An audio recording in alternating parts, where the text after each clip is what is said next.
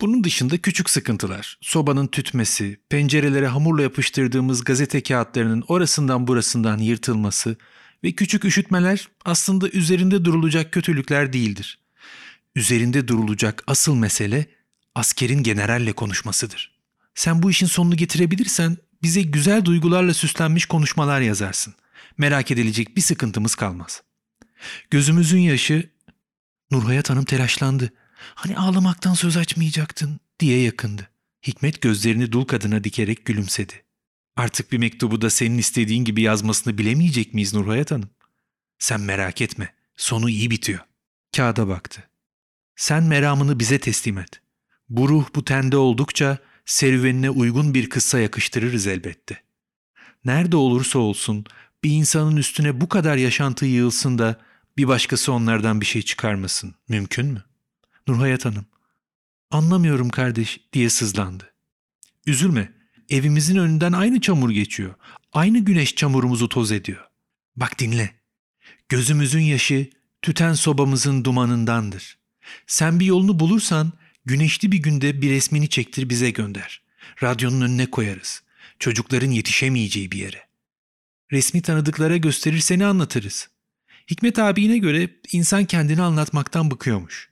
Şimdi sana bize anlatacak.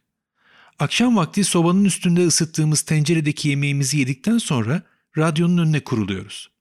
Hikmet abin geliyor, bakkal Rıza Bey geliyor, karısını da birlikte getiriyor. Ajans dinliyoruz. Senin bulunduğun yerdeki havalardan bile haberimiz var. Bakkal Rıza küçük kese kağıdında bir pişirimlik kahve getiriyor. Şekeri Hikmet abin temin ediyor. Cezve ve fincanlar da benden. Çocuklar içlerinde kahve ağacı büyümesin diye kahve içmiyorlar. Yalnız bazen küçük Selim'in telveyi yalamasına göz yumuyoruz. Kahverengi bıyıklı küçük bir adam oluyor koca kafasıyla.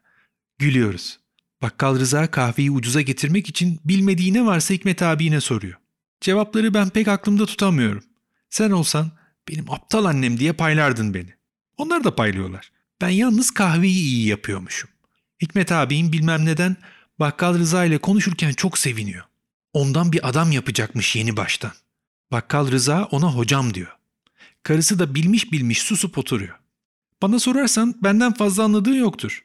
Ben bile bahçıvancı yerine bahçıvan demesini öğrendim iki haftada. Bu kadın da bakkal karısıyım diye kurulur. Başım ağrıdı bu sohbetten diye yakınır. Onu aldırmıyorlar elbette. Bazen çırak Süleyman da geliyor. Ellerini mavi önlüğünün içine saklar hep fakir. Ceketi yoktur. Dükkan dükkan kokuyorsun denir ona. Patronu konuşurken Süleyman hep başka tarafa bakar. Bakkal Rıza en çok anayasa ile ilgili.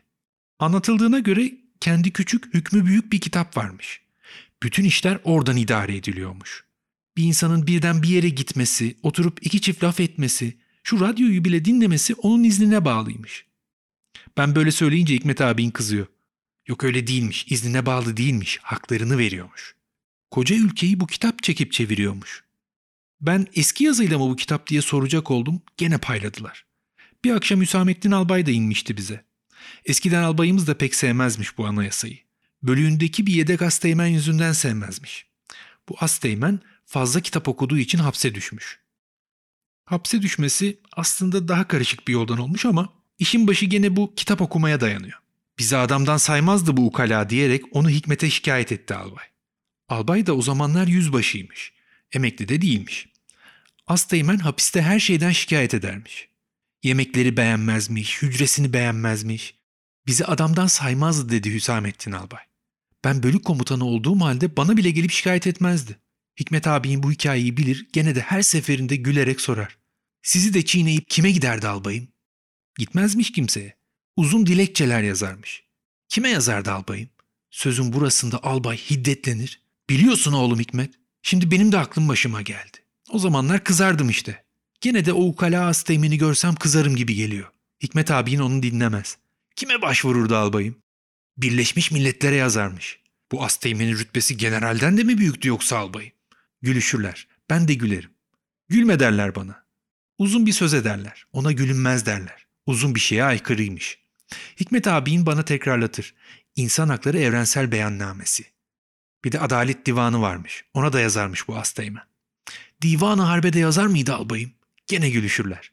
Bakkal Rıza gülmez. bir bir anlattırır bunların ne olduğunu. Sonra bütün bu sözlerin sonunu da anlamadığım bir biçimde bağlarlar. Kime yazsa para etmezmiş. Çünkü albaya göre bu asteğmen sevimli değilmiş. Asıl sizde kötülük var derim onlara. Doğru derler. Bakkal Rıza'nın karısı kötülüğün onlarda olmasına sevinir. Benim anladığıma göre bu kadın asteğmeni tutar. Böyle zamanlarda albaya da Hikmet abine de güvenilmez. Hem insan hakları derler hem de fakir asteğmene kızarlar. Ama senin için hep iyi sözler ederler. Temsil yazdığını duyunca Hüsamettin Bey de sevindi. Sana kitaplar yollayacak. Hikmet abine göre bunları okursan bir şey anlamazmışsın. Söz buraya gelince bakkal Rıza'nın bile anlayamadığı bir çekişme tuttururlar. Gözlerimle gördüm. Onlar birbirlerine bağırırken bakkal Rıza veresiye defterini çıkarıyor, hesapları incelermiş gibi yaparak defterin arkasına çarpık yazıyla bir şeyler karalıyor. Onlar yatışınca birden sorar. Müessif ne demek? Hikmet durdu. Başka bir diyeceğim var mı Nurhayat Hanım? Ben bir şey demedim ki.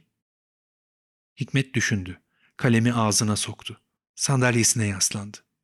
Benim de diyeceklerim olmalı. Bir sigara yaktı. Bir sigara da Nurhayat Hanım'a verdi. Dul kadın derin bir nefes aldı. içini çekti. Rahatladı. Dizlerini sıkan çorap lastiklerini indirdi. Sigara dumanları masayı kapladı. Mavi dumanlar eşyayı inceltti. Şimdiki zamanın katı görüntülerini dağıttı. Geçmiş zamana gidildi. Hikmet dul kadına sormadan onu da aynı zamana götürdü. İkisi el ele tutuşarak Hikmet ellerini masanın üzerine koydu. Dul kadına görmeden baktı. Kendi sesini duymadan konuştu.